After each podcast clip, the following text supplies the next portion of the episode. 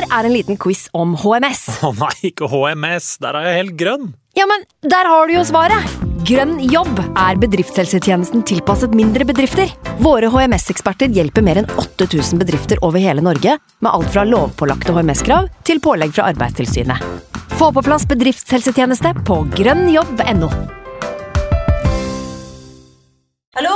Jeg kommer fra Oslo politikammer. Ine Jansen er purk. Er du purk? The motherfucking bitch. Alt jeg vil, er å finne ut hva som skjedde med mannen min. Jon Carew. Er jeg sikta for noe? Iben Akeli. Det er du. Ole So, Lars Berrum og Big Daddy Karsten. Hvem sin side er du på, egentlig? Anette Hoff, Tone Danielsen, Kommer du fra Afrika? Jørnis Josef, Nesten. Kløfta. Trond Espen Seim, Det er synd å si det, men det var feil mann som døde. Purk. Premiere tirsdag på TV2 Play. Episoden presenteres i samarbeid med Bergen Skadedyr, Færder begravelsesbyrå, Fundamental Workouts og Footmob.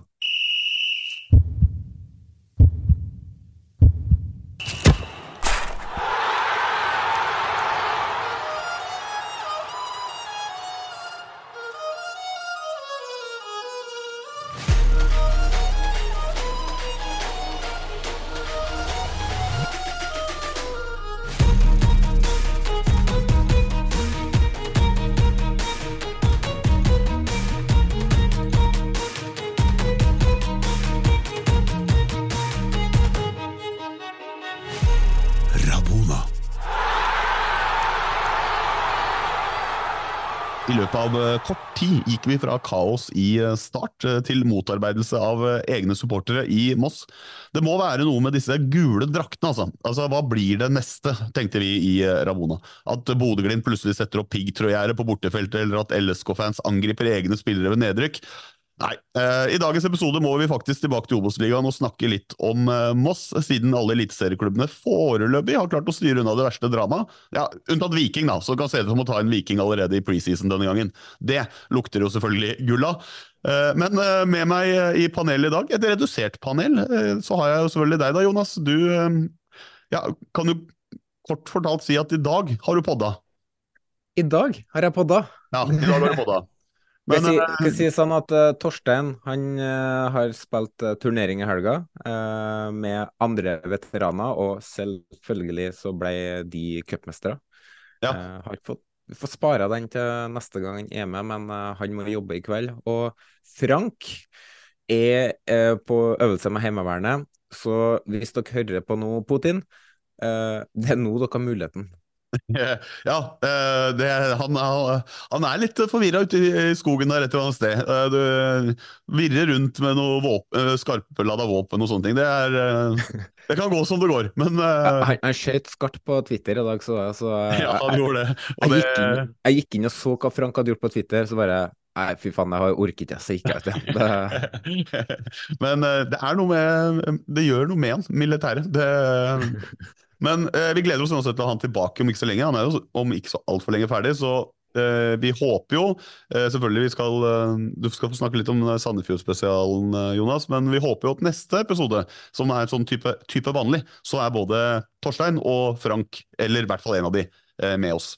For det, det er alltid hyggelig at de er med. Men vi kan allerede si at vi skal snakke litt om investorer i norsk fotball. Eller fotball generelt, neste episode. Ja, fordi nå er det jo det er jo så- det er preseason, eh, og da er det jo sånn at eh, det er ikke vi som eh, Vi klarer ikke helt å avgjøre hva som er det det snakkes om og, og skrives om i norsk fotball, og det er jo eh, naturlig at når det er eh, seriekamper og sånne ting, at man jo snakker om rett og slett fotball og resultater, og hvem gjør det bra og hvem gjør det dårlig.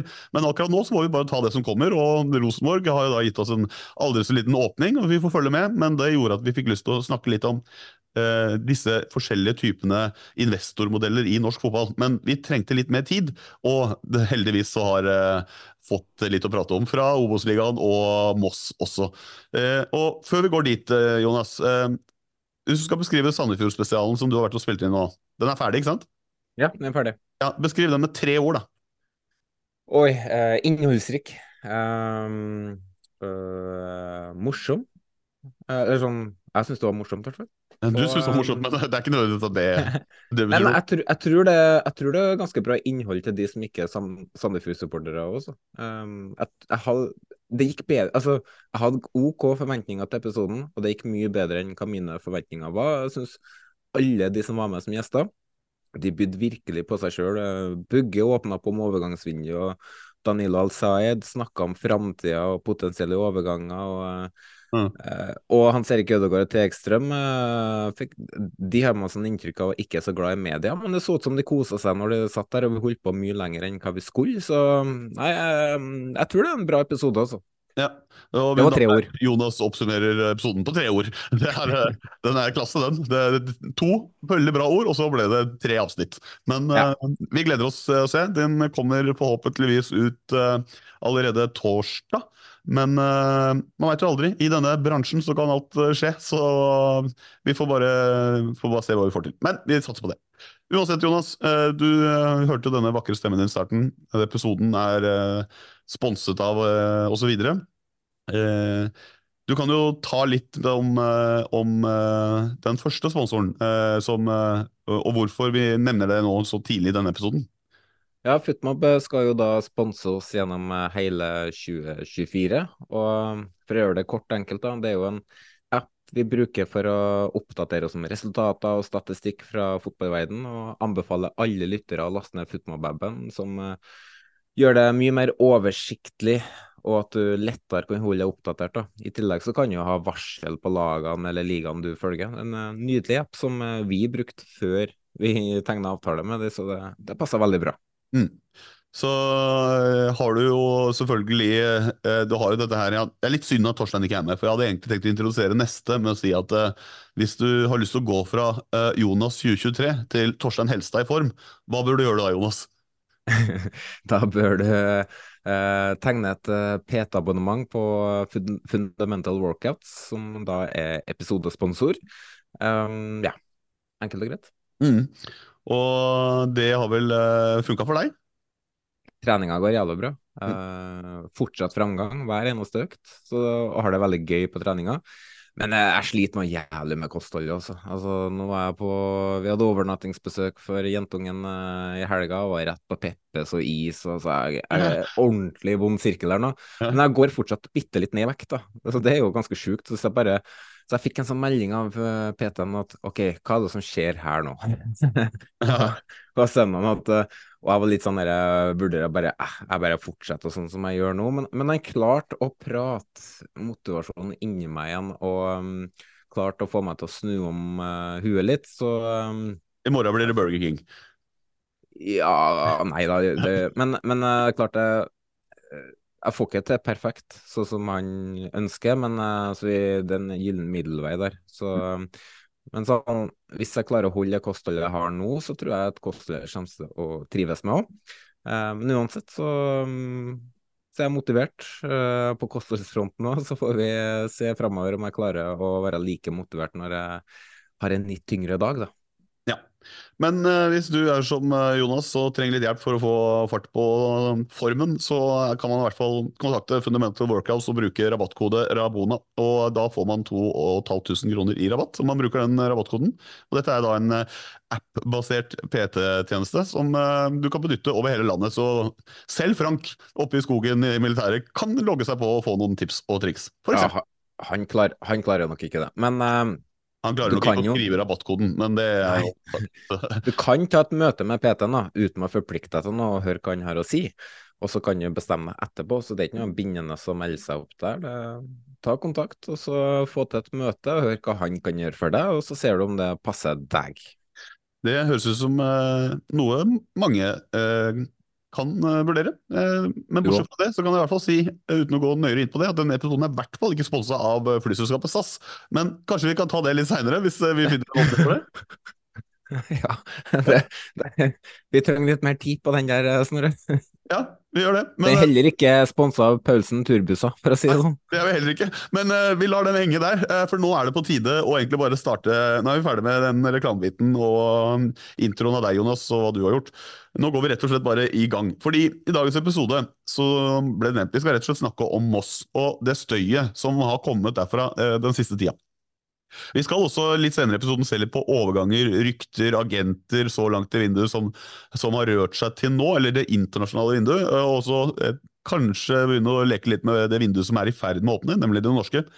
Eh, hvis vi får tid, eh, hvis vi har lyst, eh, så kanskje vi toucher innom litt treningskamper. og eh, Er du heldig nok, så får du høre Jonas forklare hvorfor 0-1-tap mot Las Palmas U19 er et tegn på at noe stort er i ferd med å skje oppe i Trøndelag. Mer om det senere. Vi skal hoppe rett inn i Mosselukta og få inn dagens gjest. Fordi Dagens gjest er ifølge sin egen Twitter-bio, eller X-bio for de som sier det, en banehopper med forkjærlighet for breddefotball. Om dette oppsto som følge av at Moss surra rundt i lavere divisjoner eller ikke, det vites eh, av panelet ei. Men uh, han har da også sagt at han er mm, Moss-fan til den dagen han ligger i pennalet, og er først og fremst med oss i dag for å gi oss den ekspertisen vi trenger rundt uh, fotballklubben Moss. Da. Og da er det rett og slett med stor glede å kunne ønske hjertelig velkommen til oss i Rabona til deg, da, Christian Tusen. Tusen takk for det. Veldig hyggelig å bli invitert. Det setter pris på at du tar tid til å kunne komme hit og prate om eh, den klubben som kanskje har stått for ja, det mest engasjementet på sosiale medier i de siste dagene som har gått, når det kommer til å forene supportere, i hvert fall på, i Norges landegrenser. Men før vi hopper inn i det, så hadde jeg lyst til å spørre, hvordan er det for deg nå å være, være Moss-supporter om dagen? Nei, skal vi se. Forrige mandag så fikk jo vi jo et Da smalt jo den saken som vi skal snakke om. Og denne mandagen så viser det seg at vi selger vår beste spiller til Ålesund. Så det har vært en litt tung uke, altså. Det, jeg må ærlig innrømme det. Uh, Ja, det, det, kan jeg forstå. Det, vi kan jo touche innom uh, det som skjedde i dag også, litt, uh, litt seinere. Men vi må spole litt tilbake, for du nevner det. For, var forrige mandag, ja. Som uh, det da kom en Først var det vel en oppdatering fra Kråkevingen, altså supporterklubben til, til, Moss, som sa at klubben hadde lagt ned et forbud av salg mot supportereffekter med Moss-logo på. Kan ikke du forklare oss litt hva som er bakgrunnen her, og hva som skjedde i forbindelse med dette? her? Jeg, jeg, for å trekke, litt, trekke, det litt tilbake, da, så er det ikke noe, i og for seg noe nytt noe sånt som har skjedd. Fordi I forrige sesong så ble vi vel allerede litt sånn hintet om at uh, det var ikke sånn kjempepopulært. For vi har alltid hatt en stand utenfor hovedtribunen på Meløs. Og fra forrige sesong så begynte klubben å trykke opp noen egne skjerf selv. Og noen sånne uh, Livestrong-armbånd, sånne gule armbånd med Obos-ligaen 2023. Um, og noe typ noen caps og noe sånn små diverse. Men dette solgte de jo da inne på selve stadion bak eh, jeg holdt på å si betalingsmur. Mm. Um, og det ble liksom hinta litt at uh, nei, det er ikke bra at vi står der, og, og noen mente at vi tok inntektene fra klubben. Uh, det har vel strengt talt Tja, alt er relativt. Vi har jo hatt ganske mye annet enn bare det hva klubben har solgt. Så det er jo en sånn bred greie. Men det, misnøyen begynte jo allerede der, da. Uh, og så blir jo neste steget i historien at vi har eh, bestilt luer, da. Som vi egentlig skulle hatt inn mer opp mot jul, men uh, vi fikk dem inn nå.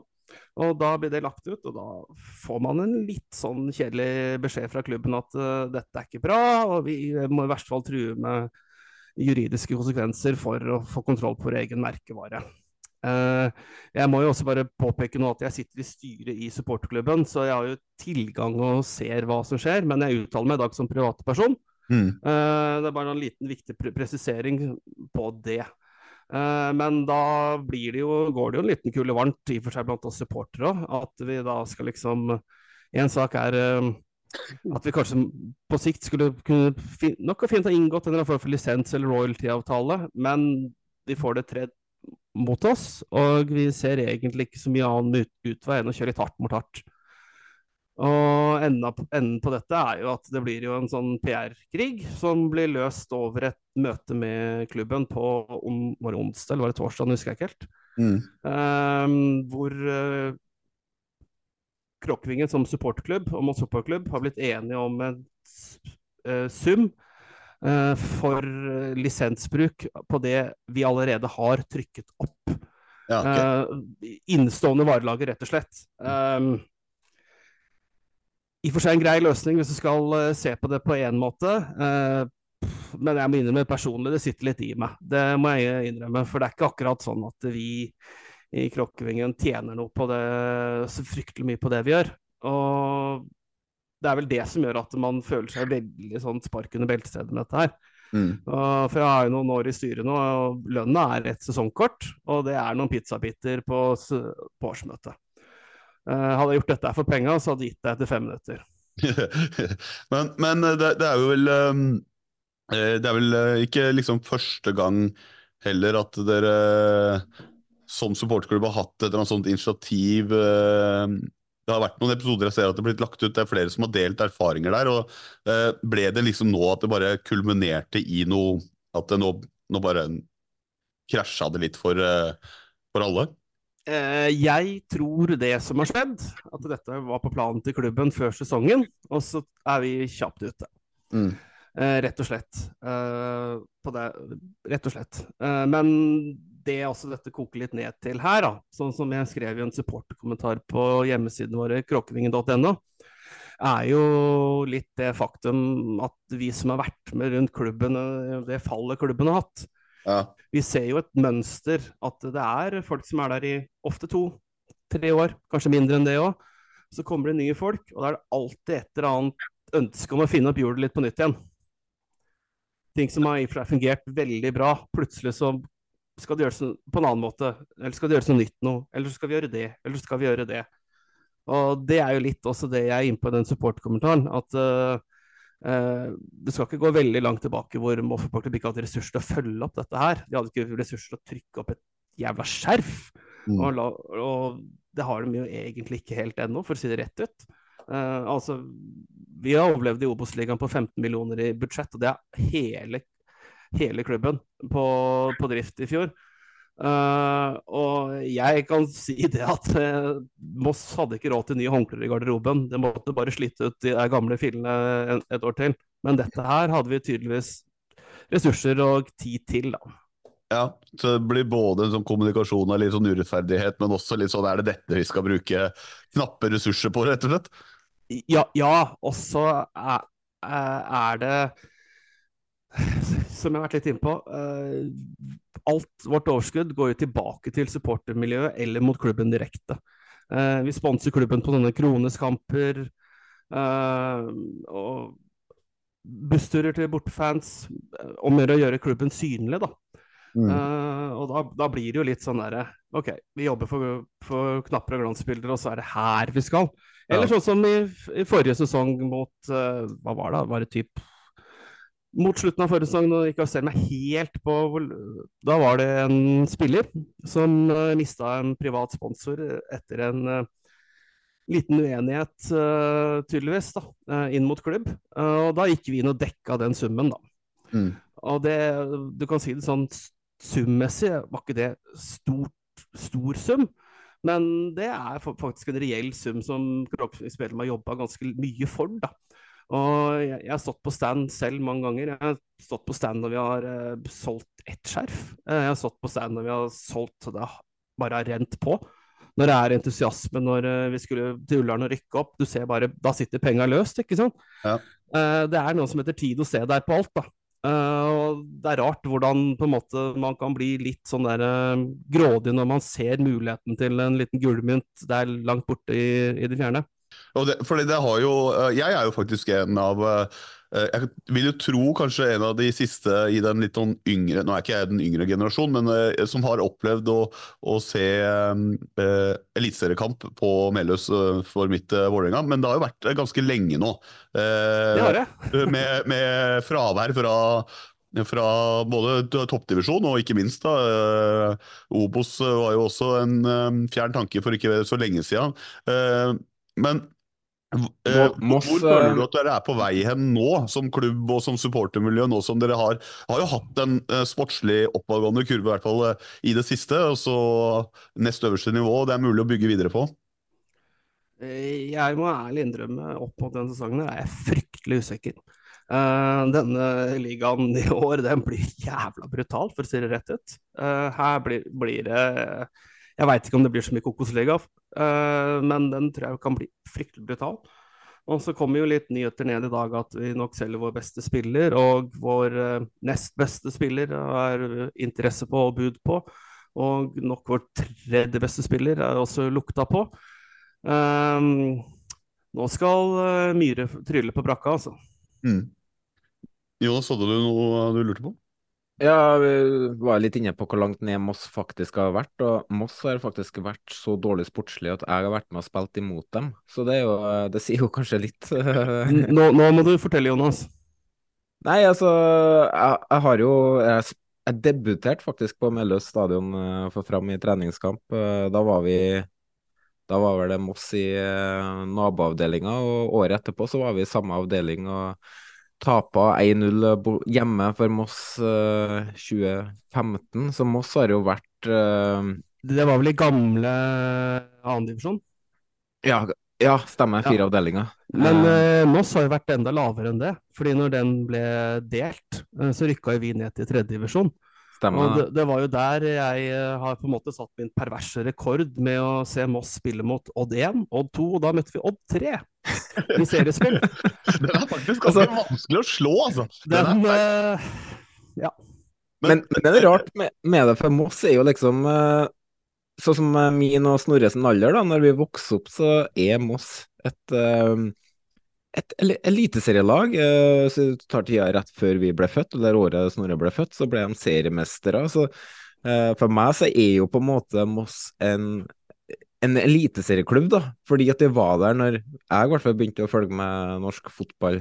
Og med Knut Torbjørn Eggen og Nils Arne Eggen og ja, så, så, for en trønder Ja, så for, så for, en trønder så har jo Moss en sånn Det betyr jo litt for en trønder òg, på en måte, i og med at du hadde um, far og sønn Eggen uh, der. Så at Moss har slitt sportslig. Det har vært sånn nå må vi få det tilbake, og så er det jo at de spiller på gress da, og har en fin stadion òg, så det er jo det at Moss kom opp til Obos-ligaen, var for meg i hvert fall veldig bra. Eh... Og for oss supportere så var det jo helt uventet. Det er jo det som egentlig var det helt sinnssyke med det. Mm. ingen, ingen, av oss supportere hadde faktisk troa på at i år skal vi gå og rykke opp. Nei, og da er det jo du, du, liksom rykker opp, og så overlever du. Du har på en måte da litt vind i seilene. Og så skjer ja, det her. Ja, det har vært uh, to egentlig ganske helt sinnssyke sesonger. Um, og det kan jeg si at for faen, vi rykker opp fra andredivisjon med tre plussmålsmargin, det er uh, Fotball er brutalt spill noen ganger, altså. Det... Men uh, det er utrolig deilig da, når man har uh, marginen med seg. Så, men du var inne på det du, Jonas. Det er sånn rykker opp, beholder plassen. Og du Kristian, er også inne på det at du tror det kan bli vanskelig. Det er jo den der vanskelige andre sesongen. Det er en floskel i, i, å, sitte her og prate om den, for det, det, har skjedd mange ganger før. Men det er jo alltid mulig å motbevise det. Men eh, hvis man mister litt spillere, hvis man eh, nå tåler litt sånn entusiasmen eh, som man tok med seg med litt uventa opprykk og uventa redde plassen, eh, hva, hva, tror du er mulig for Moss å oppnå eh, på en, eh, på en kall det best case da, i år? Vi blei jo nummer ti, eh, det var vel på målforskjell, typ. Um, vi kunne i teorien rykke ned siste serierunde i fjor. Vi kunne havne på kvalik, som, den, som Hødd fikk, hvis de hadde skåret X og vi hadde tapt på Kongsvinger.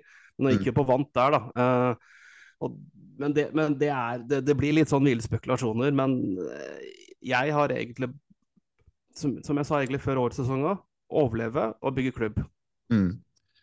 Og eh, Jeg lurer rett og slett eh, på, da, fra supporterperspektiv, nå har det jo kommet ned ikke bare to, men tre eliteserielag som krydrer ligaen eh, med, litt, eh, med sine nærvær, i tillegg til eh, at det har kommet gamle storheter i form av, eller en gammel storhet i opp av Lyn opp, også skal spille Obos. Har du noen kamper du gleder deg litt ekstra til enn andre i år?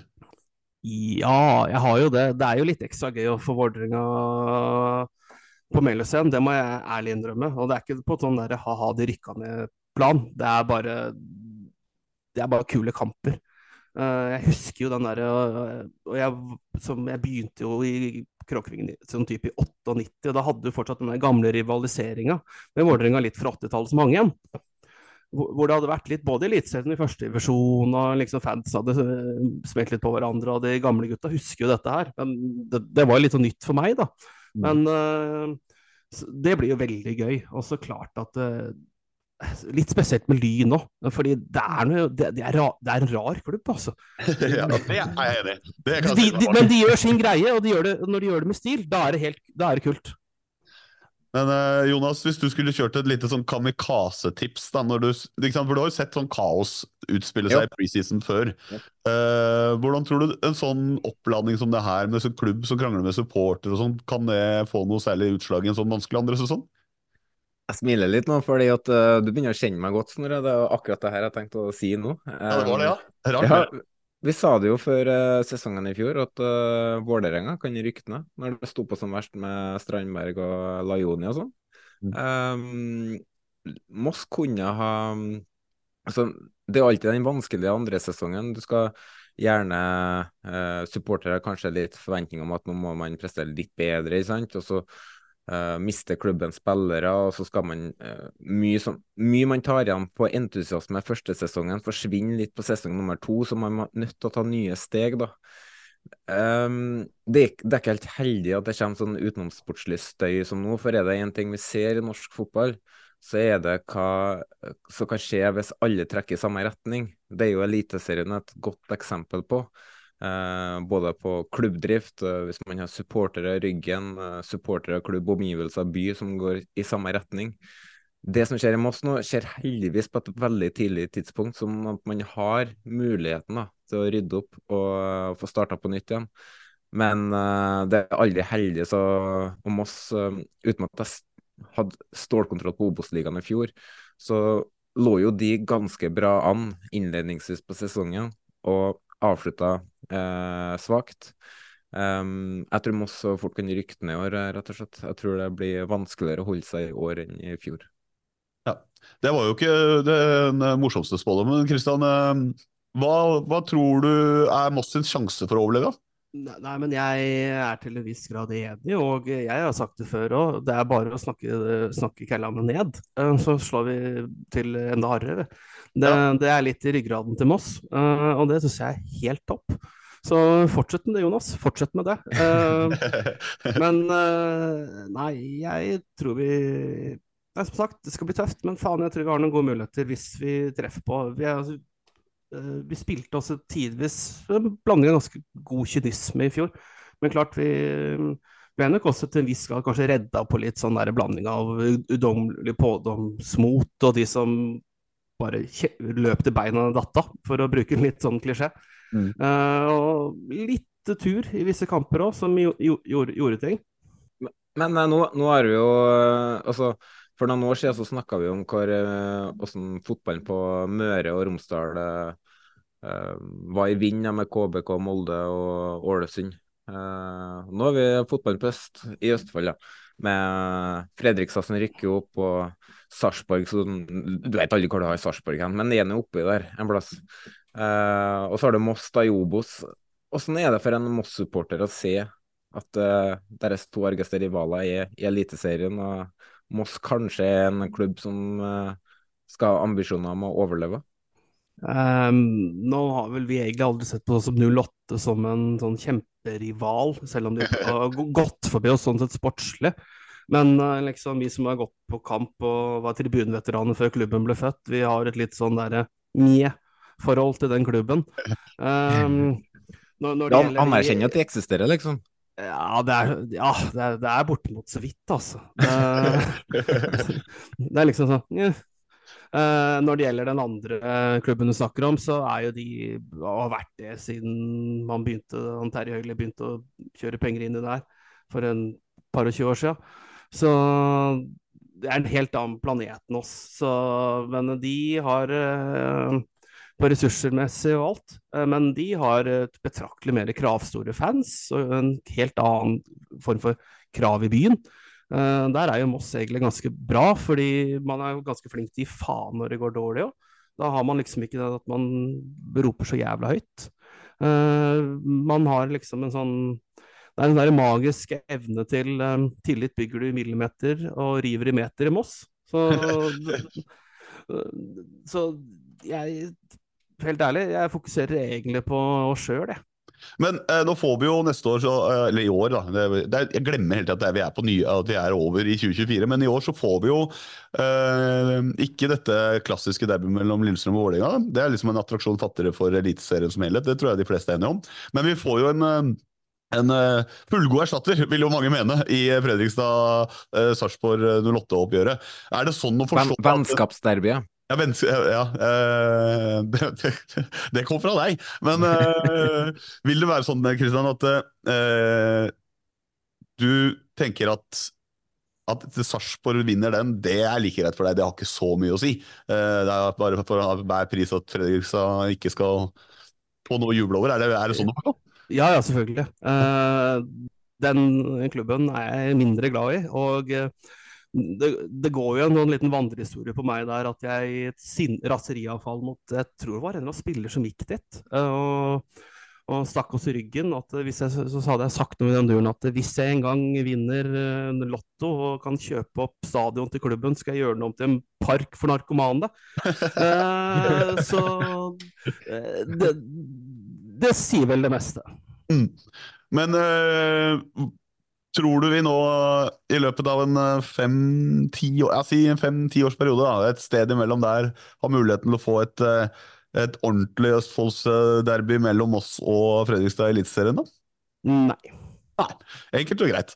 Eh, nei, nei, nei men det handler om å være realist, fordi uh, fasilitetene på Meløs er ikke gode nok for uh, rett og slett den moderne toppfotballen. Vi spiller på kommunalt anlegg. Uh, Hallo, Koffa har rykka opp, da. Uh, jo, jo, men vi har altså he hele Moss fotballklubb deler på én kunstgressbane, pluss en del andre kommunale lag i, lag i kommunen. så det er, ikke, det er, ikke, ressurser, rett og slett. Både, pe både penger og egentlig an anleggsmessig. Vi ligger jævla langt bak. Og det er jo også en konsekvens av at dette har liksom når både pengene kom inn i norsk fotball, men den mista kontinuiteten. da. Da tar det ekstra mange år på en måte å komme opp igjen og må bygge stein på stein på stein. Og man får ikke noe gratis av Moss kommune. Det, Moss kommune er forferdelig dårlig på dette med infrastruktur for idrett i kommunen sin. Det, det, det må man si. De som fortjener skryt fra Moss kommune, er de flinke banefolka som får den banen så fin uh, med naturgress til uh, uh, sesongstart. Det er de som fortjener skryt. Mm. Eh, Jonas, du kan sette pris på en uh, fin uh, gressmatte, du. Det er ikke noe du vil på? Ja, altså Nå var jeg hadde innspilling på Jotun Arena i dag og så at de har gravd opp uh, gresssletta der. Ja, De ligger kunstgress, det nå? Ja, det er jo altså Når det gjelder Sandefjord sin del, da, så har jeg forståelse for det, fordi de fyller opp Altså, de, de har møtt opp i garderoben på Jotun Arena går ned og skifter, har møte, og så går de ut og setter seg i hver sin bil og kjører Vestfold rundt for å lete etter en eh, gressbane eller kunstgressbane å trene på. Uh, og sånn har det vært i alle år. Der, så jeg ser den for Sandefjord sin del. Altså, den gressmatta måtte byttes ut i år uansett. Så Eh, sånn er det dessverre hos klubber som ikke er ressurssterke, og som uh, ikke har um, treningsbane eller um, Så jeg har forståelse for den, men det er jo trist å se at uh, flere blir tvunget til å gå den veien at de er nødt til å spille opp på kunstgress. Så jeg forstår lagene, men jeg, jeg skjønner liksom ikke helt hvorfor det ikke blir lagt mer rette til rette for eh, lag som har gress. Vi ser eh, Odd f.eks. får eh, miljøtilskudd for å spille opp med riktig type gummi, eller hva i all verden de har, og så spiller Rosenborg på gress og får ikke en dritt, liksom. Så det er jo noe, er noe gærent der. Som Solbakken har jo snakka om det tidligere, at kanskje skal forbundet legge til rette for gresstilskudd for lagene som har det. Sånn at det er mulig å drive toppidrett på gress, som hvor fotball faktisk skal spilles. Jeg gleder meg i hvert fall til, eh, og jeg håper da, at det ikke er noen sjuke unger eller noe som hindrer meg på å dra til eh, Meløs. Jeg har eh, gode minner. Jeg husker ikke hvordan kampen gikk. Det, jeg, jeg, jeg, minnes den var, ble uavgjort, fordi på den kampen så hadde jeg venn av familien og VIF-supporter Robin Grov på armen gjennom en, en omgangen. Og han sto faktisk med meg i Kråkevingen den andre omgangen. Ai, ai, ai. Så nå har, nå har hun noe på han neste gang hun treffer han på BM-en. Ja, er, uh, vi tar det med oss. Vi, vi er definitivt i blackmail-business, vi, jeg og Jonas. Så vi, vi, tar det med oss, vi. Men uh, jeg gleder meg i hvert fall veldig til å komme dit. Og det er jo ingenting som slår det å komme inn på en stadion, uansett om anlegget er litt røtent eller om det er top notch fasiliteter på sida. Å komme inn, og at gresslukta slår deg i ansiktet når du steller deg nærme så nærme du kan. Eh, det er, nest, det er nesten ingenting som slår det. så eh, det gleder jeg meg veldig til. Jeg håper da at eh, ungene spiller på lag og at jeg får tatt den turen. For da har jo hytte i, eller moderen har hytte i, i Rådås, så kan man kanskje kombinere det, det med en svipptur ut der og gjøre et eller annet dugnadsarbeid eller et annet sånt. Men Eh, moro blir det i hvert fall når man først har tatt den turen ned i Obos og får besøke eh, litt den gamle storheten. Og jeg har jo, eh, eh jeg har et eh, veldig merkelig forhold til Moss med at det første jeg tenker på er Jerry Monsson. ja, ja. Ja, så, for Det var vel 99 på drakta. Og, ja. og ja, Det brant seg fast i et ungt sinn av Jerry Monsson. Jeg sa til Jonas han lurte på om vi kunne sånn retrohelt eller slanger, eller sånne ting, så jeg skulle slenge ut noe Moss nå. Så jeg slenget Jerry Monsson bare hva, hva kalte, du den, sa du? eh, Jerry ble jo også litt sånn kulthelt blant uh, fansen på Meløs når de var der uh, i Oi, nå snakker vi kanskje 98-99, ikke arrester meg helt på årstallet. Ja, eh, hvor uh, klanen sto på en, en langsida der og slang, slang dritt i den, naturligvis. At, for da drev han jo blant annet og farga håret litt med litt sånn diverse forskjellige farger, og var en litt sånn bajas på den tida. Og da tok han jo en sånn liten fowler og lekte en kokastripe langs, langs, der. Og den har, jeg, den har fått høre av flere klansfolk i ettertid, at den brant seg inn hos en del folk der. Ja, det er rart med det. Det, er, vel, det er, ikke så mye som skal til for å, for å skape noe inntrykk eh, når man eh, det litt på. Men eh, jeg forbinder Moss eh, veldig med han. Men det, det, er jo kanskje ikke din største helt, eller? Nei, det er det ikke. Uh, min største helt det er faktisk en mer moderne klubblegende. Uh, det er Thomas Clausen. Mm. Uh, tipper dere ikke har hørt om han i det hele tatt. Uh, men skal vi se, hvilke år var det han kom til Moss? Da? Det var når vi var i, i førstedivisjon, og han ble liksom med på hele fallet. da. Vet, han er egentlig fra Vega oppe i no Nordland, men kom fra Nardo. Mm. Hvor, han, hvor, han, hadde spilt. Uh, hadde tilbud å gå tilbake til Ranheim når de gikk opp til første, førstedivisjon, men uh, slo seg ned i Moss og etablerte seg i Moss. og uh, Spiller nå lokal breddefotball. Uh, bare tvers igjennom en fin type. Kaptein med stor K. Alt, alt ønsker jeg en kaptein, og lojal til 1000 uansett. Og alltid har hatt ryggrad i det han har gjort. Mm. Altså, han blei med på hele fallet. og men, ja. han, men, han, men, han, lastes ikke for det? Fordi... Nei, nei, nei, nei, nei. men liksom han kom til oss i første divisjon og var med helt ned til tredje divisjon. Og så måtte han eh, Kontrakta gikk ut når vi rykka opp igjen til første.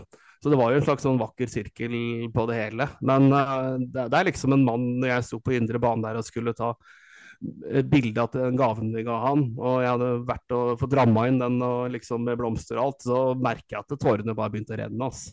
Mm. Var det noe du ville skyte inn der, Jonas? Det så ut som du skulle si noe. Ja, uh, uh, hvis ikke jeg tar helt feil her nå uh, Når jeg spilte på Melhus, så spilte jeg andre omgangen, og da, i den omgangen så tror jeg det ble 1-1. Jeg tror han faktisk skåra. Det er godt mulig. Uh, broren hans, Jan Are, var også en, en sesong i Moss. Mm. Så ja. Jeg, jeg, tror også det er viktig å presisere, fordi du sa i stad at du debuterte på Meløs. Jeg tror det er bare viktig å presisere at det handler om, handler om fotball, ikke sant? Når du debuterte.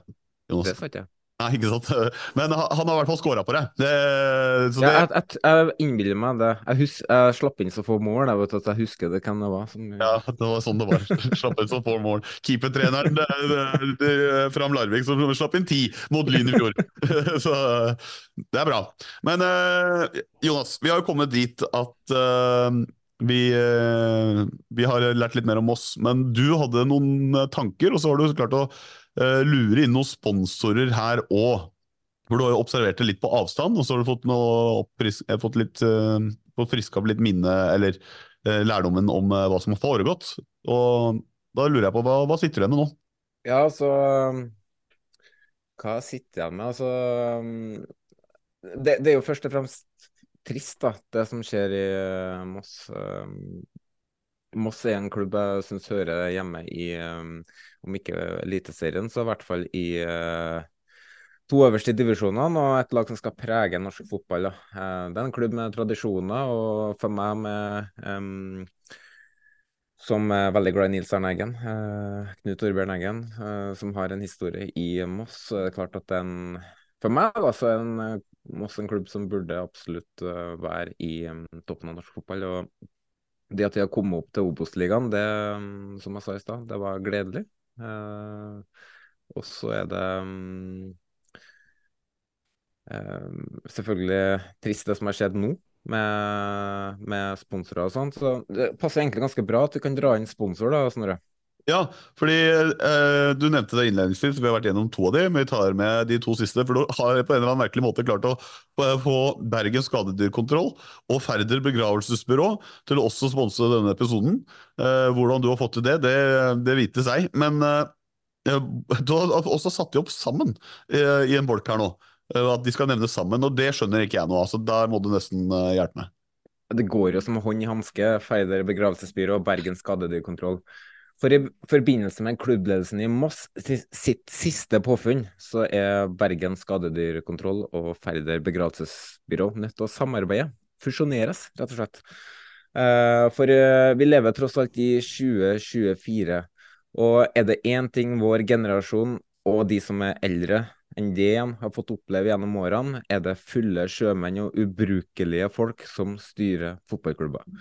Eh, det har vært så inn i helvete mye rart opp gjennom årene. Og dere husker kanskje tida da Rosenborg begynte å vakle, Nils Arne Eggen var ferdig, Åge Hareide ble uspiselig, Ola By Riise fikk sparken sjøl om det ble gull i Champions League. Nei, gull og Champions League. På den tida så skulle jo alle satse. Alle skulle ta seriegull for å utnytte muligheten. Eh, og mange klubber har brukt penger de ikke hadde, eh, som de da ville tjene inn med suksess. Men det sier seg sjøl at da er det jo noen som bommer eller tar en viking, som vi pleier å si.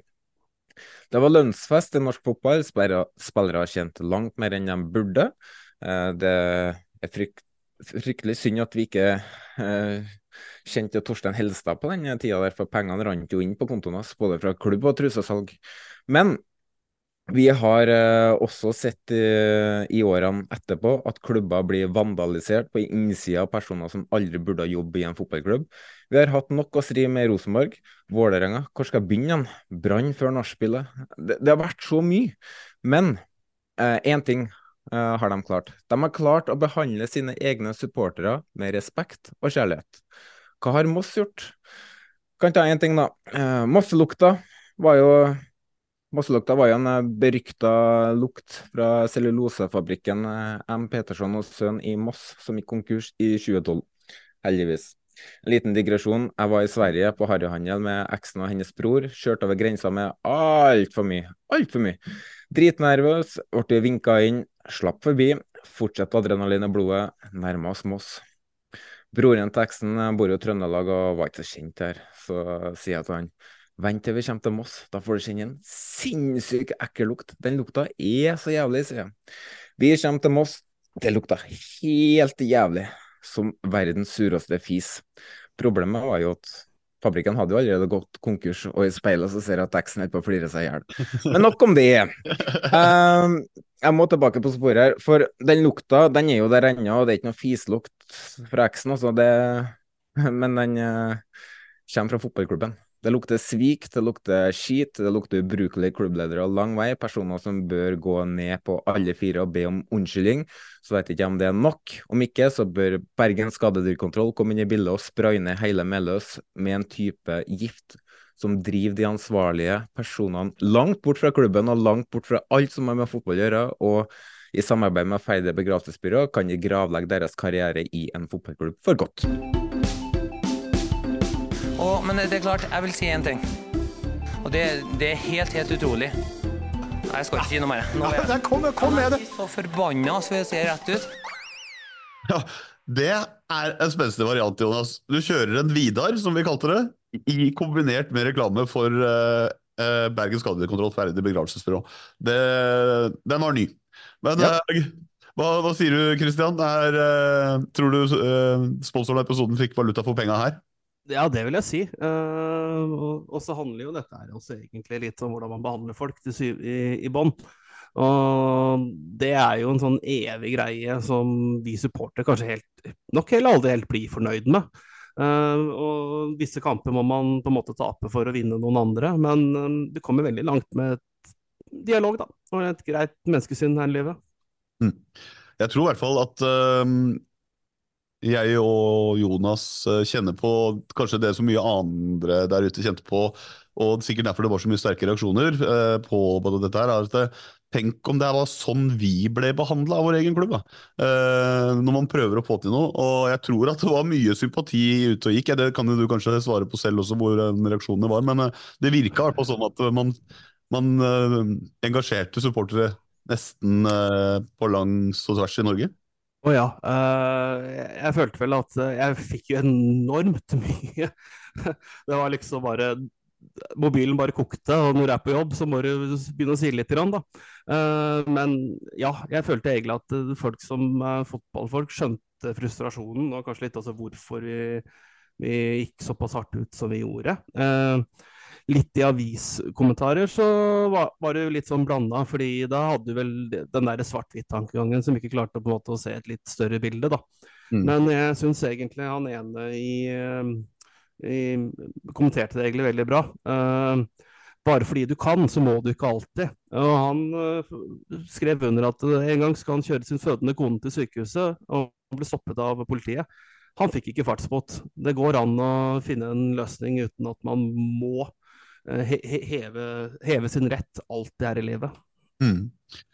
Jeg tror at uh, vi eh, gir oss med Moss og deprimerende supporter- og klubbtvister for denne gang. Og jeg kan i hvert fall ønske dere i Kråkevingen masse lykke til med sesongen som kommer, og at dere finner, finner en vei med, med klubben. vi skal ha litt mer mm, Moss-innslag her, fordi hvis jeg har forstått det riktig, så har du klart å hoste opp en aldri så liten slangekandidat til oss, Christian, men du har ikke sagt det til ja, Ikke til meg, ikke til deg, Jonas? Eller? Ja, vet det. Du vet det, ja, det er bare ikke jeg. Okay, ja, Nei, ja, det, er kommet litt, det er kommet litt endringer siden da, Jonas, for jeg har ikke helt klart å bestemme meg. Jeg har rett og slett ikke klart. Ta, ta det du sa da, siden Frank ikke er her. Jo, jo, ok, ok. ok. Uh, men, men, men, altså, jeg kommer jo på flere etter, un, un, underveis. Uh, ja. Jeg kan jo bare begynne på den første slangen som jeg husker da, uh, i, i, Moss når jeg var fersk supporter, det var Raymond Kvisvik. Uh, han saksøkte klubben for å få overgang til Brann, og jeg mener Raymond tapte. Men dette er veldig mange år siden, så du skal ikke på en måte kimse av det. Men han ble jo møtt velkommen neste gang Brann skulle til Meløs med en Quisling um, maling på gresset. og uh, det ble jo slått opp, og dette var ikke bra, og alt sånne ting. Men uh, hva var det han uh, lederen i Moss gjorde da? Jo da, han kjøpte grønn maling og malte over. Men uh, den grønne malingen var veldig mye grønnere enn gresset akkurat da, så man så jo hele greia. ja, det er gøy. Men er det, er det, han du skal lansere her også? Eller er det ja, å, jeg, jeg, står og strides lite grann, altså. Eh, jeg vil, ha med, jeg vil, ha, jeg vil ha med en trener òg. Knut Ørum. Oi. Ja. Yes. Ja. Fordi han tok jo over Moss som en sånn der midt på treet førstedivisjonslag. Og veldig altså mye pga. å få fikse Steffen Nystrøm en gang, var i ferd med å skyte Moss opp. Eh, siste kampen det året på, på Meløs var eh, mellom nummer to på tabellen, Sandefjord, og nummer tre, som var Moss. Eh, Steffen Nystrøm får jo faen meg blindtarmbetennelse og kan ikke spille den kampen. Vi taper eh, på Meløs. Eh, vi har vel to i stolpene første omgang, mener jeg. And Andreas Tegstrøm, eh, assistenttrener i Sandefjord. Jeg håper du tråkker på Lego med jevne mellomrom. ja, litt artig. Jeg har snakka med Tegstrøm for fem timer siden. ja, men uh, da kan du hilse han fra meg neste gang du treffer ham. men, men uh, Knut Ørum fikk jo da et tilbud fra Rosenborg som han gikk på veldig fort og veldig uventa. Og uh, vi var en del Moss-supportere som skulle på landskamp den gangen, inn på Ullevål. Og da møtte vi på han på T-banen, og det gliset han hadde, uh, da han har blitt slange for oss. Det høres jo ut som uh, Ja, det er to verdige kandidater fra et Moss-perspektiv, det er det vel, Jonas? Jeg likte en uh, annen kandidat han hadde på slangelista fordi Frank er ikke her, og så passer den ganske godt inn i miljøet som er på slangelista akkurat nå. Ja. Kan du si litt hvem det er? Uh, jeg vil dra inn Håvard Sakariassen. altså, vi har vi har tolv mann på uh, slangelistene, og halvparten av de er fra Glimt. Ja, ok, Nå begynner vi å snakke her. Nå Ja. var det voldsomt til bra arsenal dere skulle ha av slangekandidater til Moss, da, men eh, nei, nå snakker vi. Men uh, utdyp gjerne. Ja, eh, Håvard, Håvard var jo i klubben en del år, og så skulle han gå videre til Bryne. Eh, etter at den overgangen var klar, så slo han vel av ganske bra bryteren. Moss holder på rykkene. Vi redder oss i siste serieomgang ved å snu kampen mot Ålesund og redde plassen. Det er en helvetes fest etterpå. Eh, til da mitt deiligste fotballøyeblikk. Eh, så kommer det litt sånn der fram at eh, Håvard bryr seg, bryr seg ikke så mye om. Um, jeg tror det var greit at noen av vi gikk fra den festen, så Håvard hadde alle, alle tennene sine igjen. Men uh, jeg, nå har du så mange kandidater at uh, Jonas, uh, kanskje du skal få, få det som du vil, og så skal vi plassere Håvard Sakariassen, eller? Kristian kan jo egentlig avgjøre det, da. Ja, for Man var jo litt i tvil, da, så kanskje vi må hjelpe. Jeg syns det er tre knallgode kandidater når jeg ser det med Moss-øyne. Men det er litt gøy at Frank ikke er her, og at det er en, en ny Glimt. da. Men du kan jo få avgjøre, du, Kristian.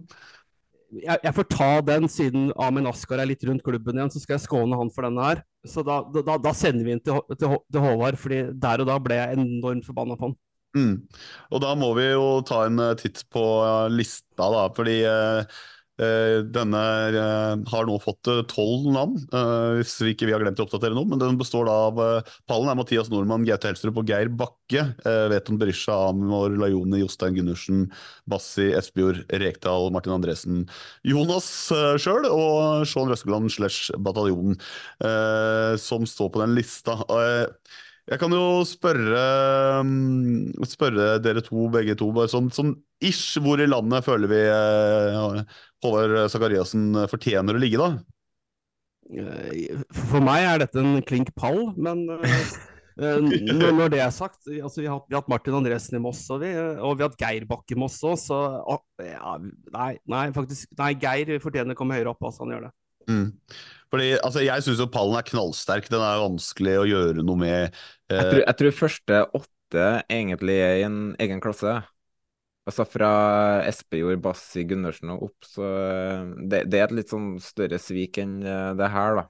Ja, det er, men det er jo nyere, da, så det er det som spiller litt inn. Det er litt ferskere minne, kanskje. Men eh, ok, men vi kan jo begynne, da. Eh, på Kjetil Rekdal på niendeplass, så kan du spørre deg eh, da, Kristian. Det blir kanskje fort, men eh, over eller under Kjetil Rekdal, da? Nei, det må, det må bli under, altså, for, for, for Reka, han er fæl. Ok, det var, Jeg trodde det skulle klinke over, men eh, Jonas, hva sier du da? Nei, Jeg er enig. Hva, hva var Rekdal å vinne for igjen? Det var HamKam. HamKam til Rosenborg. HamKam, ja, og- den, den er litt Den er verre, altså. Det, Jo, men altså, ha, der har du en fyr som klarer seg fint aleine uten preferanser. Altså, det, Men ok, så uh, da er det jo under, da, uansett hva jeg eh, skulle like å mene om det. Martin Andresen på tiendeplass. Uh, over eller under der, da, Kristian? over. Over, og Jonas? Martin Andresen eh, Ja, jeg kan støtte over. Jeg syns ikke Martin Andresen Altså, han var Han, han, han er sånn eh, Det var sånn som dro inn han, og det var av at han gikk til um, Vålerenga uh, fra uh, Brann etter å Men da hadde han Jeg mener samtidig at da hadde han allerede vært med og sikra seriemesterskapet til Brann og var veldig eh, sterk bidragsyter for de, og jeg tror ikke Brann har tatt det gullet uten Martin Andresen. Så han, han forlater jo en klubb etter at han eh, har gitt dem noe, da. Mm. Så, eh, sånn sett så kan jeg godt sette en Zakariassen over Martin Andresen. Ja. Ja, da blir det jo sånn, da, uansett hva jeg skulle mene om Hva det. mener du da?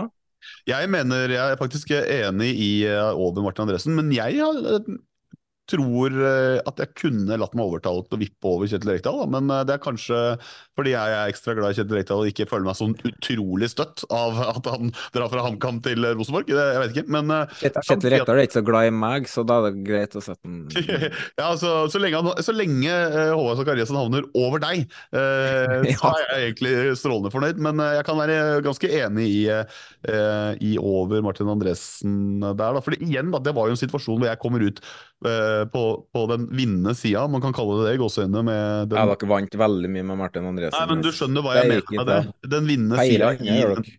Men uansett, da, så er det nå, jeg talte ganske fort, at det er vel eh, seks eh, nåværende eller tidligere Glimt-navn på topp ni. Eh, nei, topp ti. Og det er eh, sterkt. Vi gir oss ikke for topp 11. Nei, det står på 60% av den lista. Eh, Jeg bare nevner det. jeg bare nevner det.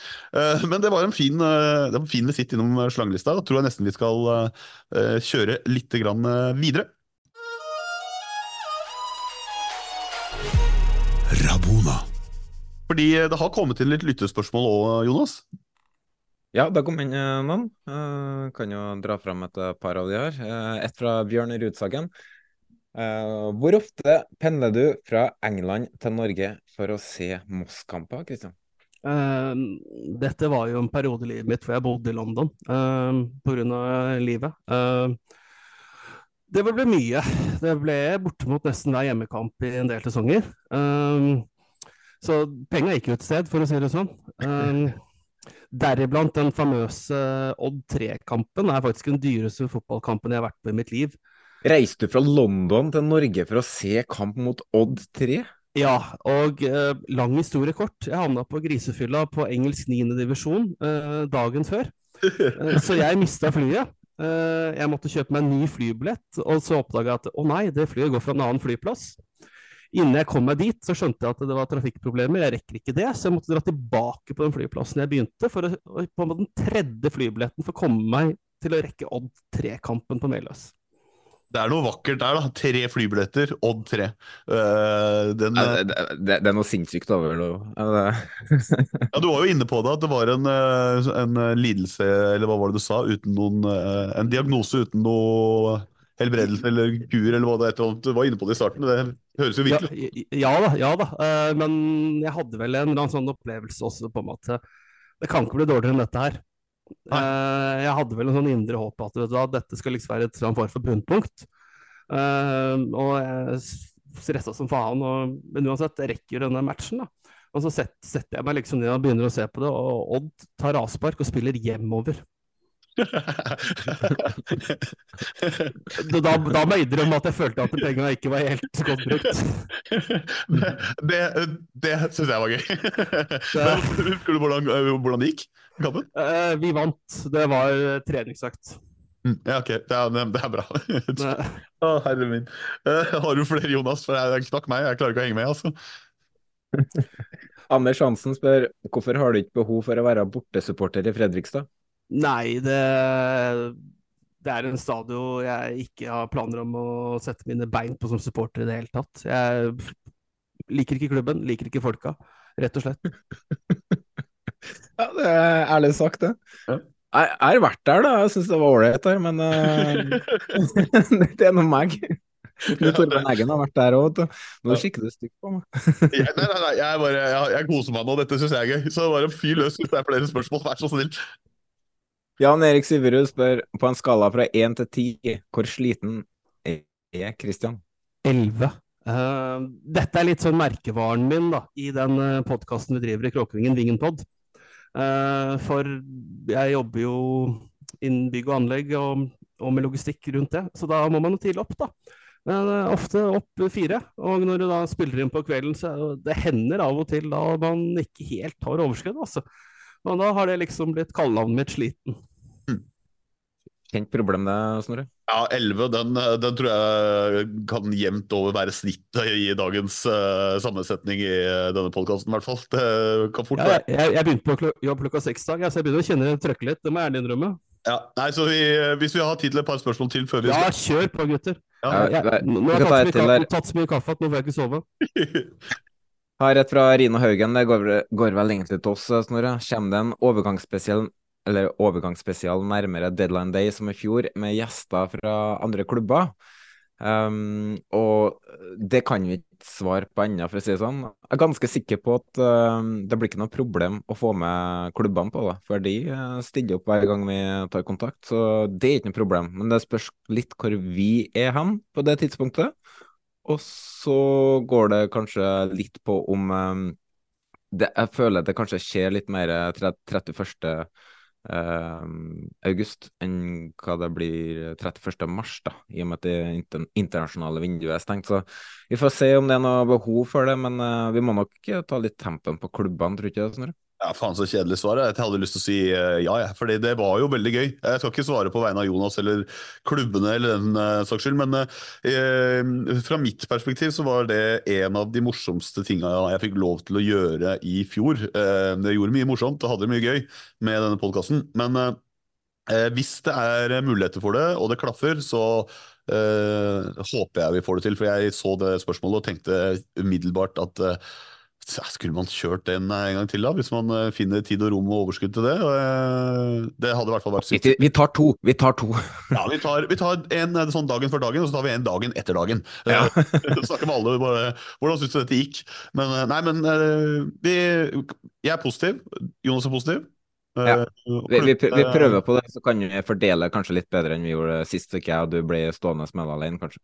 Ja, Eh, ellers skal vi bare gjøre det, så blir det bra. Men eh, ja. et, et, siste spørsmål. Mm? Et, har du et siste? Nei, vi går videre der, vi tenker. Ja, da gjør vi det. Fordi det har jo tross alt skjedd litt i eh, den øverste divisjonen, selv om eh, 66,6% av dagens panel ikke er så opptatt av Eliteserien som Eh, som det Jonas er, kanskje, eh, så følger vi i podkasten med på både overganger, rykter og det som skjer nå i uh, vinduet som er i ferd med å stenge rett før det norske vinduet åpner. Og vi har også titta litt på ja, ulike treningskamper og at klubbene er i gang. Da. Så vi må innom det, fordi når det Vi var innom det i introen, og vi var innom det i forrige episode. Viking hadde fått en litt sånn krokkete start. det har jo på en måte roa seg. Alle vil bort? Ja, alle vil bort. Uh, først var Brekalo, så var det Gunnarsson. Ja. ja. Eh, og så har det vært rykta Tripic, og så ja. Ja, så har du Tripic og det der at de jobba for en Saudi-overgang. Det var jo også litt sånn Hva i alle dager er det som skjer på Jåttåvågen, liksom? Det... Men det veit vi veldig lite, og det er mye ryktebasert der, så jeg skal ikke henge Tripic for det. Um, nei, nei. Henger ingen Men, men uh, Sol Solbakken har jo ja, Solbakken har jo forsvunnet, da, så, så, det er jo det, det, er ikke sånn veldig lystig det som skjer i Viking eh, om dagen akkurat nå. Det, det, er jo på mange måter litt synd, ja. for, for Rosenborg sin del, da. For min sin del som Rosenborg-supporter, så er det jo føler jeg på en måte at um, januar nå har uh, ført at Rosenborg i hvert fall nærma seg Viking med stormskritt, da, og kanskje bør ha forutsetninger til å komme over Viking. Men for norsk fotball, som hadde Viking i toppen i fjor og fikk den entusiasmen fra Jåttåvågen og for Viking i, med, i medgang er, er, jo utrolig kult. Uh, så er det jo synd ja, at uh, med mindre de har Nevland og co. Uh, tryller litt på overgangsvinduet nå og får inn noen navn og klarer å spre det til å bli entusiasme igjen, men det er klart at mister det Brekalo og Solbakken er ikke jeg så bekymra for, for jeg tror at med Bell i den rollen så kan det godt komme styrka ut av faktisk. Men um, Brekalo bort, det ja. Men det har de jo visst òg, og det er jo ikke noe som tyder på at uh, klubben ikke er villig til å selge. Men uh, per nå så er det vel ett lag som uh, Jeg tror det var Roar Åkerlund, leder i Da er det Vikinghorden, eller det er, supporterklubben, er det det det heter? Som sa at det er én eh, klubb som har lyst til å betale, og de, er, de, har lyst til å betale med Klarna. Så det var liksom ikke så, så, interessant. Jeg kan jo forstå at klubben er litt sånn kjølig til, til akkurat det. Men så får du dette her agentgreiene, for det er ikke bare Viking som har agenter som har vært ute og luska. Uh, du har jo Eh, det er ikke en eliteserieovergang i den forstand, men eh, den tidligere eliteseriespilleren André Ilers også satte jo uh, fyr på, på, ting med at hans agent var ute og meldte om at nå må klubben slippe, og de kommer få masse penger, og nekter å spille, og det kommer til å bli streik, og osv. videre Og, uh, jeg kan spørre deg, Christian. Agenter på generelt grunnlag, har du, noe, har du noe du har lyst til å si om agenter? Generelt fæle folk. Ja. folk som skal bare ty tyne ekstra ut av fotballen. Um, så kan du vri på den på andre måten det vi holder på med nå, f.eks. Um, når de skal presse opp prisen på en spiller, da er man jo totalt avhengig av dem. Mm. Uh, men uh, generelt så syns jeg de er noen forbanna igler i, i fotballen. Ja. Jeg er litt uenig. Ja. Jeg mener at uh, fotballen trenger agenter. fotballen er avhengig av agenter fordi at det er så mye henvendelser til spillere uh, osv. De, de er nødt til å ha en agent som håndterer det for seg, sånn at en spiller kan ha fokus på det som skjer på banen og treningsfeltet. Uh, agentene gjør utrolig mye bra for fotballen, men det er alltid et men der. Um, problemet er jo de agentene som ikke burde ha vært der, for det finnes det jo folk av.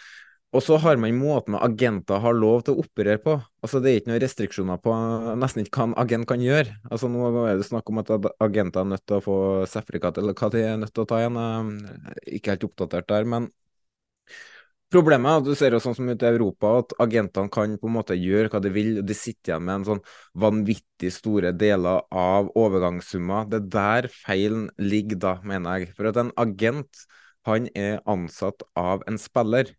Og en klubb for eksempel, som skal kjøpe en spiller, er òg nødt til å betale penger til agentene.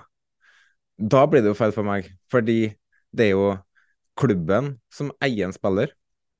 Så en klubb kjøper en spiller fra en annen klubb, så skal ikke en agent sitte igjen med noe penger der. Det skal være lønn. Han skal være ansatt av spilleren, hvis dere skjønner hva jeg mener. Mm. Det er jo en stor feil i Men nå snakker vi internasjonal fotball, ja. Uh, det er ikke så stort problem i Norge. Og så ser vi jo nå i Brekalo-saken, i Illich-saken, at agentene går ut og uttaler seg på vegne uh, av spilleren. De skal streike. Uh, nekte å spille for klubben osv. osv. Og så ser jeg på Kidnappa også? For... Ja, kidnappa. det, det er jo ikke drøy ordbruk. ja, det, det altså, de bruker jo alle virkemidler for å overdramatisere. Men det som er da, at når fans går ut på Twitter og kritiserer agentene her, så må man òg vite at agenten snakker på vegne av spilleren. Det er mest sannsynlig en bestilling fra spilleren om at nå må du få meg ut herfra, bruk media, bruk hva du vil. Agenten spør kanskje spilleren kan jeg si ditt, kan jeg si datt? Ja, kjør på, få meg bort herfra. En agent går sjelden ut i media og sier ting som en spiller ikke har godkjent, det, for å si det sånn. Mm. Så når agenten går ut nå til Brekalo og sier at han uh, kidnappa, og agenten til Ilish skal bort og nekter å spille, så er det spilleren som har sagt det til agenten. Så da er det kanskje spillerne supporterne bør angripe, ikke agenten. Ja, eller en eh, Jeg tenker en, en, eh, det er lov til å ha to tanker i huet samtidig. Fordi Det er jo ikke alle agenter som slår meg som skarpeste kniven i skuffen heller. fordi Det var jo eksempler fra Ilers-saken. at eh, han ble, André Ilers var satt opp for å spille andreomgang i årets første treningskamp, og så kommer han aldri på banen. Det får jo selvfølgelig folk med seg ganske raskt at det ikke ble noe. Og så har, har han begynt å streike allerede. Og så, så blir det jo en sak, da, en uttalelse hvor agenten sier at nei Uh, han sleit litt med, med huet, sa agenten. At han var ikke helt til stede. Han var litt skuffa at han ikke hadde ordna seg noe sånt. Så da sa jeg til andre at uh, si at du ikke føler deg så bra. Uh, si at du er litt dårlig, rett og slett. For da kan du ikke spille. Altså, han, går, han, går, faktisk ut og, og, og sier ting som er da løgn, og sier at det her er bare dikta på. Og det her er jo, altså, det er jo litt det der at det er lov å være sint på sånne folk òg, tenker jeg. At, jo da, jo da. Sånn men, men største sviket mener jeg kommer fra spilleren, da, som, oh, ja. som, på en måte tråkker på klubben uh, i Ilic her. da. Og så, og så er den saken med Brekalo syns jeg er litt vanskelig, um, og hvis man skal velge side, da. Fordi Brekalo kunne ha blitt solgt tidligere. Han signerte ny kontrakt, sånn at Viking skal sitte igjen med litt mer penger, samtidig som han tjener litt mer, selvfølgelig.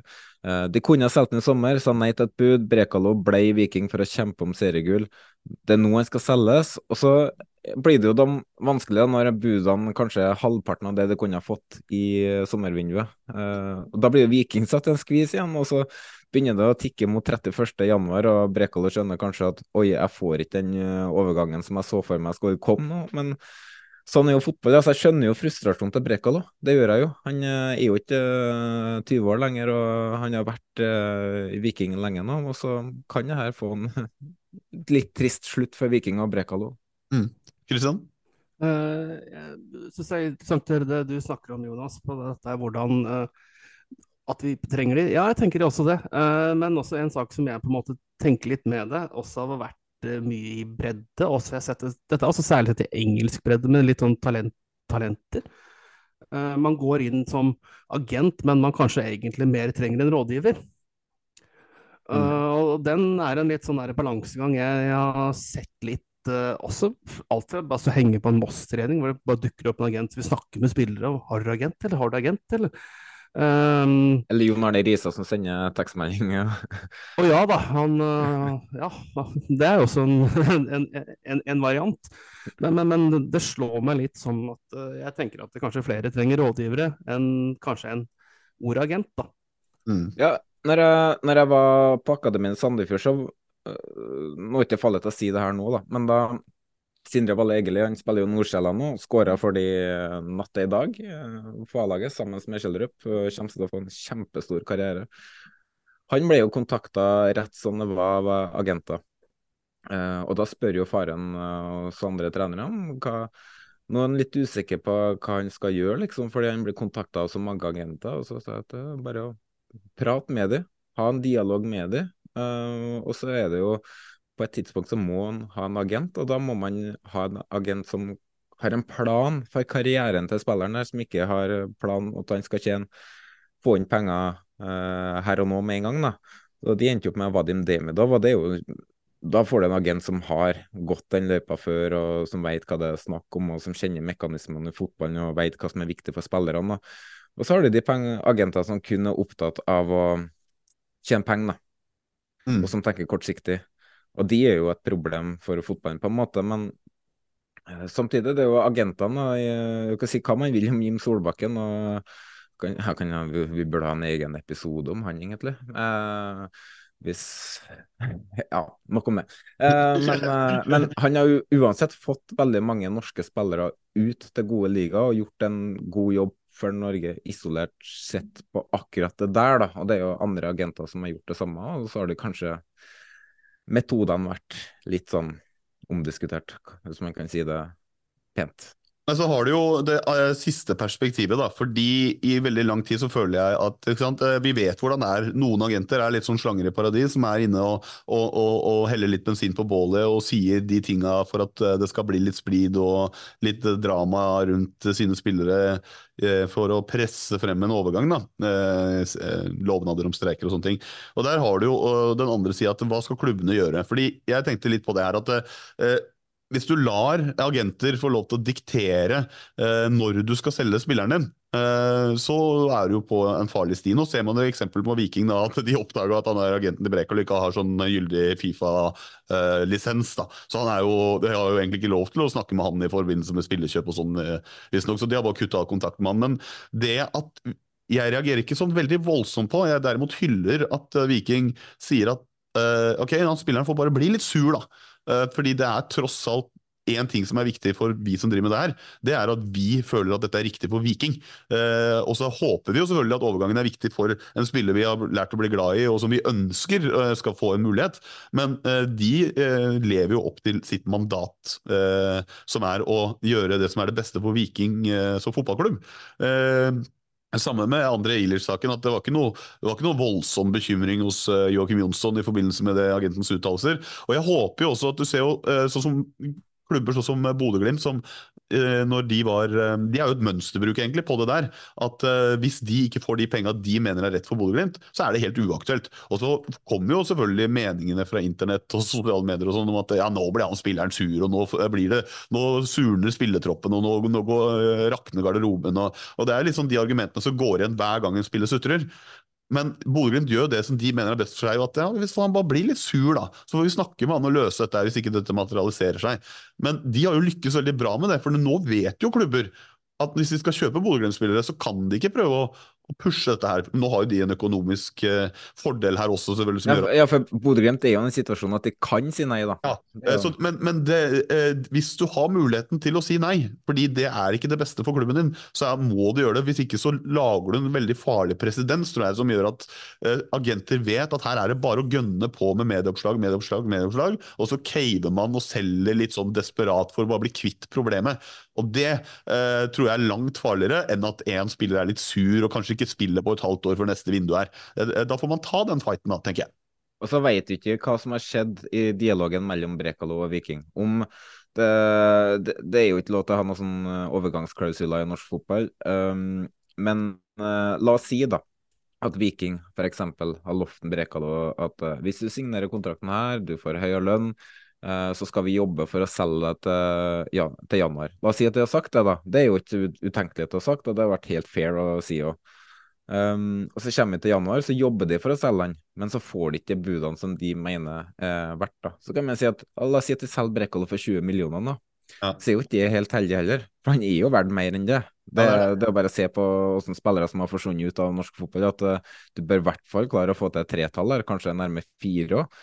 Men, mm. og Midtjylland var vel oppe i en 40-50 millioner, hvis jeg ikke husker helt feil. når de prøvde å kjøpe en Ja, som var liksom nevnt uh, i hvert fall uh, nylig, da, i forbindelse med at de, han ikke har solgt noen.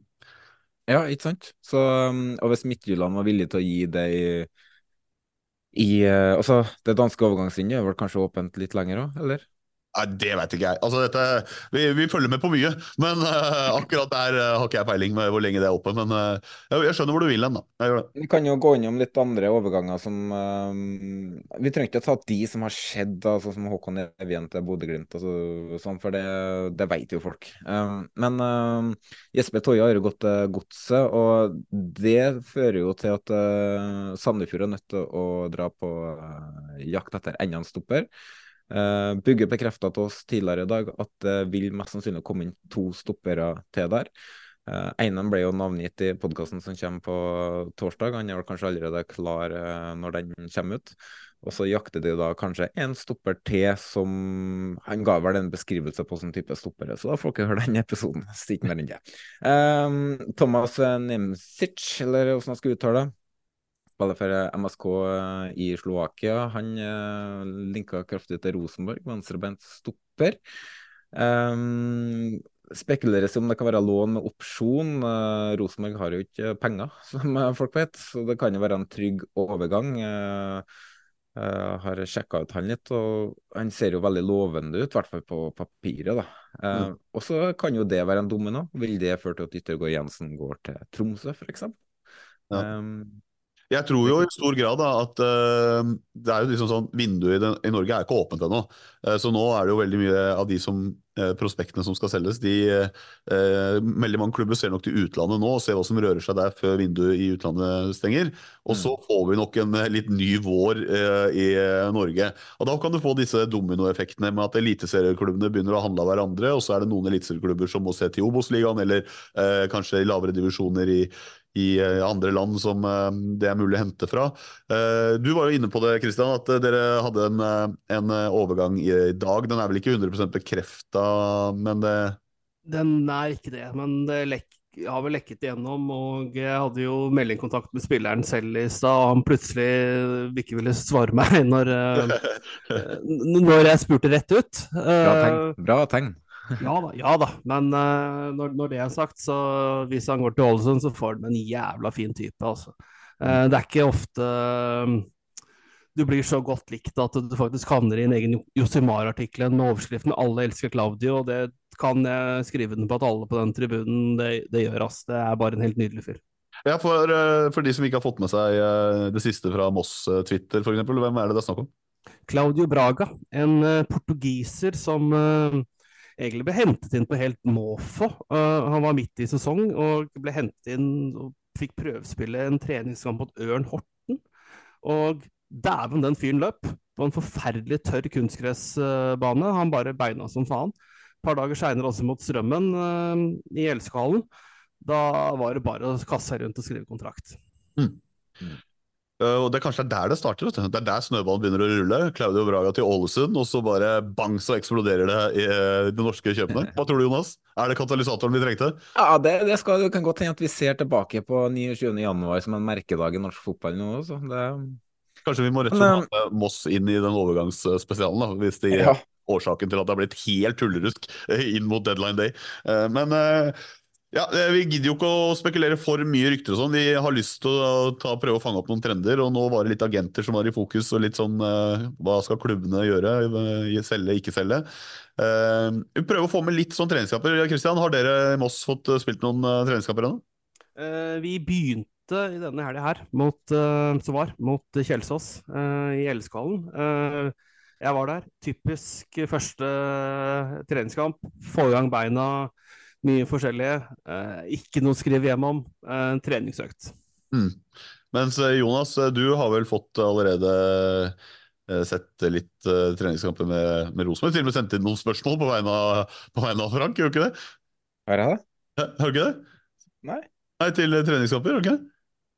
Nei. Jo, jo, jo, jo, herregud, ja. ja, ja, ja. Jeg satt og så begge Kosa deg litt med treningskamp, rett og slett? Ja, nei, jeg var helt borte. Jeg trodde han sendte inn spørsmål eh, til podkasten. Ikke nå, nei, nei, nei. Nei, jeg satt jo så Rosenborg Las Palmas, da, begge oppgjørene. Og um, Petter Rasmus som kommenterte kampen, han var veldig glad i å Han så vel egentlig litt mer på chatten enn han så på kampen, tror jeg.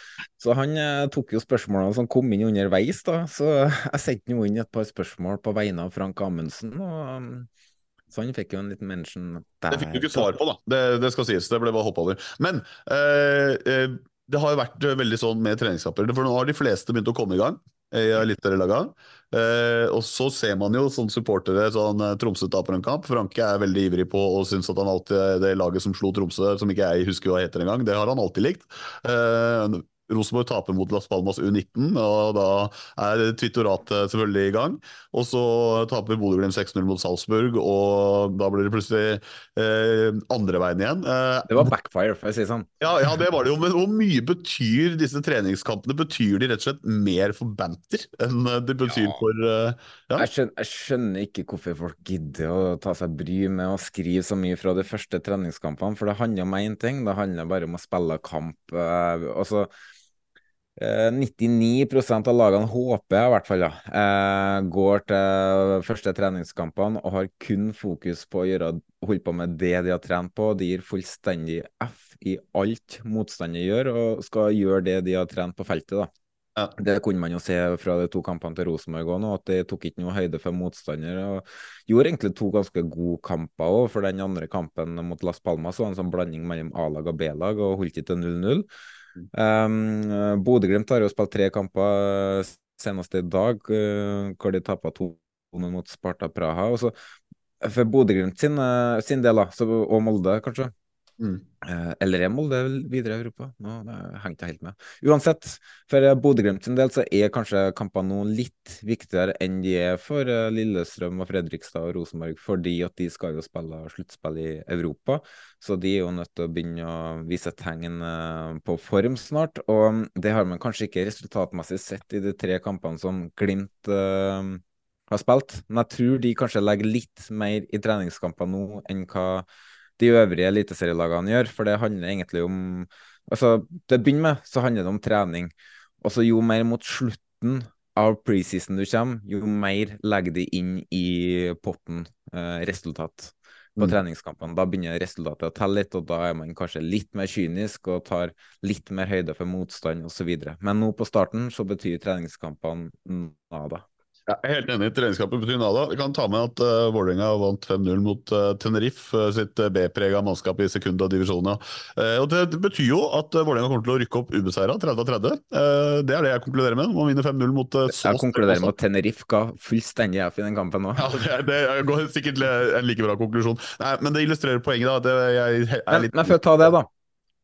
det vi har sett de siste årene, det gjelder ikke alle lagene. Uh, men av flere lag så ser vi at man ofte ser trender i treningskamper. da. At et lag kan gjøre det veldig bra i preseason, uh, og spesielt måten de spiller på. Om de spiller veldig bra i, i preseason, er ofte lag som, kan, som, har identitet i måten de spiller på. Tar det òg med seg i seriespill.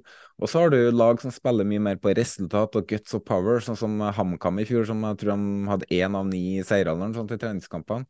Um, klarte seg ganske greit i Eliteserien. Så det, man, man, kan vektlegge resultater og prestasjoner i treningskamp hos noen lag, og så noen andre lag legger veldig lite i det. Mm. Kristian? Handler ikke dette også litt om å prikke inn formen i riktig tid? Jo, altså hva er form, da? Um, fysisk Vi- form Hvis, hvis jeg skal ta Moss i fjor, f.eks. De første treningskampene var til periodes helt forferdelige. Og så skjedde det et eller annet eh, Vi ble rundspilt av Mjøndalen. Eh, I andre omgang så tar vi dem, rett og slett. Da skjedde et eller annet med dem, og da bare rulla den ballen. Og den formen fortsatte de i to-tre to-tre treningskamper til, og tok med inn i seriespillet. Men da kom jo knekken litt tidligere på sesongen enn en del andre lag. Det blir spennende å se da, om Viking velger å ha en sånn dritbra første halvdel av uh, preseason. Bare valser gjennom treningskamp og treningskamp, og så uh, rakner det fullstendig sånn cirka midt i. Og se om de har bare fått unnagjort den der eh, vikingknekken. Uh, men vi skal følge videre med på treningskamper. Vi skal uh, ta det med en klype salt, for det er det vi liker å gjøre her. Men nå har vi i hvert fall begynt å prate litt om det som rører seg litt om treningskampen, nevner det litt. Litt for tidlig å trekke noen konklusjoner. Det kan vi være innom. Ja, og så altså kan jeg ta med det at uh, i de fleste treningskampene hvor jeg har gått inn og sett uh, på lagoppstilling og sånn, så har de kjørt uh, veldig splitta elvere og gjerne bytta hele laget etter pausen. Og så er det en annen faktor her at i seriespill så prikker man kanskje formen inn til lørdag, søndag hver uke med at man har periodiserer treningsøktene med grønn sone, gul sone, rød sone og sånn. Eh, mens i preseason så trener man som regel steinhardt hele tida, og så kommer trening, eh, kampene oppå det igjen. Så mange kan risikere å være stinn av trening når de spiller eh, treningskamper, da. Vi lar det være rykter slash agent slash treningskampsegmentet, og tror vi bare går mot eh, slutten, rett og slett. Vi har vært gjennom eh, det vi har satt opp på planen. Men eh, Jonas, du hadde lyst til å oppdatere ørlite grann om eh, spleisen? Ja, for vi har nådd eh, målet. Vi skal ha inn 20 000. Eh, Vi lå på litt over 18 000. Så prøvde jeg å få med Jotun eh, med på Spleise Sandefjord spesial, men de sponsa ikke den slags, så jeg fikk det heller til å spytte inn 2000 på Spleisen, så nå har vi nådd 20 000 der. Så da har vi, må vi rett og slett trekke en del vinnere etter hvert nå, for da har vi eh, drakt fra Pelle signert som skal gis ut, sko fra Pelle, sko fra Rasmus Engen Winge, drakt fra Winge, det var fra Amin Askar, din gode Nei, det var ikke Amin Askar, det var ja, husker ikke alle. Det var, det var, vi hadde flere som skulle um, sponse drakter da, til de som har vært med og sponsa, så vi har nådd målet. Så skal Vi kan jo bare utfordre Amin Askar da, høre om han har lyst til å bidra. Ja, Amin Askar, du sender oss en drakt. Ja. Eh, og så må vi også oppdatere da at Hopstars kommer til å spille med den oransje Jotun-logoen på Norway Cup. eh. Eh, som, eh, den logoen som eh, ja, hvert år Sandefjord eh, lanserer sin eh, drakt. Så eh, det blir i hvert fall den logoen diskutert, det kan man jo si. Ja, men vi kan jo høre om de kan sponse drakt. Det kan vi få til. Men eh, det ikke, nå har ikke jeg fått det bekrefta, men jeg tror ikke det blir tur til Norway Cup for eh, Hope Stars i år. Men de jobber steinhardt med å få det til neste år, for det er en veldig kostbar reise. Jeg tror det var snakk om um, flere hundre tusen. Så ja, da um, vi, vi får heller oppdatere i sosiale medier. Ja, det får vi gjøre. Men vi håper uansett at, uh, at de skal få komme seg og spille Norway Cup, i hvert fall før eller siden. og uh, Litt usikkert uh, hvordan det ble med 2024, men det får vi bare se. Uansett hadde det vært morsomt å se uh, Hopstars løpe rundt med hvite drakter og en knall oransje Jotun-logo på, på drakta, om det, når enn det blir. Eh, da, Hvis, hvis ikke Jotun engasjerer advokater da, for, eh, for plagiat eller noe sånt. Ja, ja det, var, det er jo også inn, da. Plagiat. Det, det er også trendy. Eh, Det ble lite plagiat eh, her i dag. Men da kan jeg vel egentlig bare starte med, starte med avslutninga. Takk til de dagens episodesponsorer som Jonas har fått med. Bergen Skadedyr, Ferdig begravelsesbyrå, Fundamental Workhouse og Footmob. Eh, som uh, alltid verdt å nevne Jesper Horten Kjærnes for uh, musikken vi bruker. Intro og jingler og outro og det som er. Jan Erik Balto, som er kongen av grafisk for oss, og gjør alt. Episodebilder i hytt og vær, og på alle mulige formater og fasonger.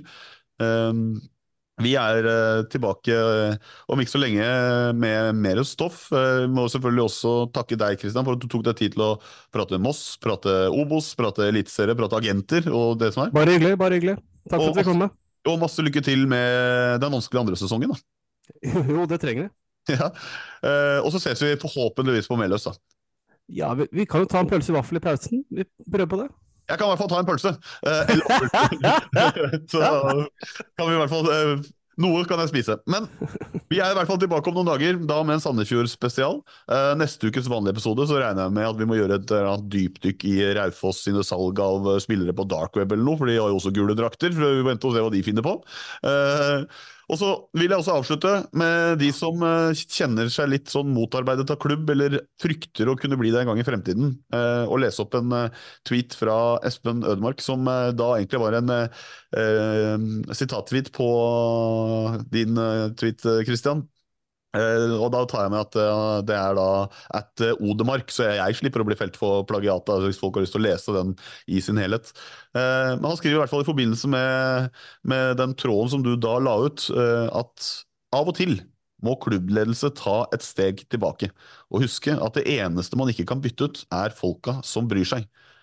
Alt annet kan byttes ut, og klubben består. Spillere, trenere, administrasjon, stadion og alle leverandører kan byttes. Hjertene som bryr seg, er uerstattelig. Og med det sier vi takk for i dag, og vi hørs. Ha det bra!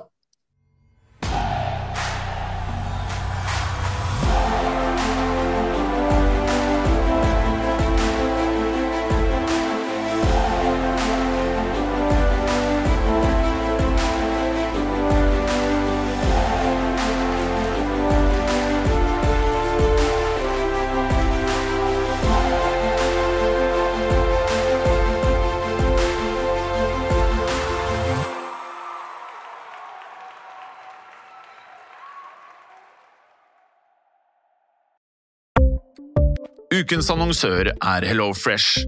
HelloFresh er verdens ledende matkasseleverandør og kan være redningen i en travel hverdag. Mange av oss har nok vandret i butikken både sultne og uten en plan for middagen, som ender med at vi går for de samme kjedelige rettene gang på gang.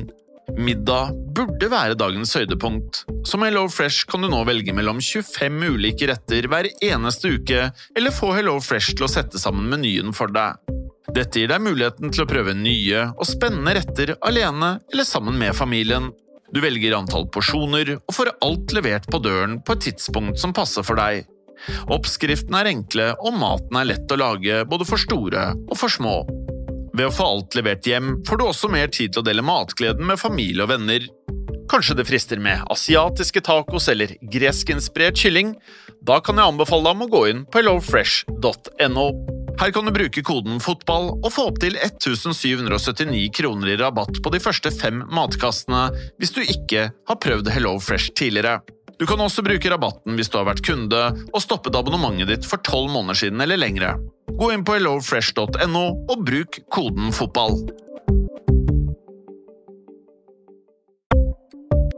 Ukens annonsør er Folio, en smartere banktjeneste for deg som har en egen bedrift eller ønsker å starte for deg selv. Folio er en superenkel nettbank for bedrifter. Som kunde i Folio får du en bedriftskonto med et bedriftskort og app. I denne appen er det smarte løsninger som forenkler regnskapet ditt, uansett om du har en liten bedrift eller et enkeltpersonsforetak. Folio er både intuitivt og brukervennlig, og er laget med et enkelt språk. I tillegg tilbyr de forutsigbare priser og ingen skjulte gebyrer. Skulle du likevel trenge det, så kan du snakke med deres raske og hyggelige kundeservice, og der får du prate med en faktisk person og ikke en chatbot. Folio er med andre ord både enklere og koseligere enn banken. Over 10 000 bedrifter har allerede valgt Folio som sin banktjeneste, så besøk folio.no og se hvordan Folio kan forenkle din hverdag også. Har du et enkeltpersonforetak eller en liten bedrift? Da er du sikkert lei av å høre meg snakke om hvor enkelt det er med kvitteringer og bilag i fiken, så vi gir oss her, vi. Fordi vi liker enkelt. Fiken superenkelt regnskap.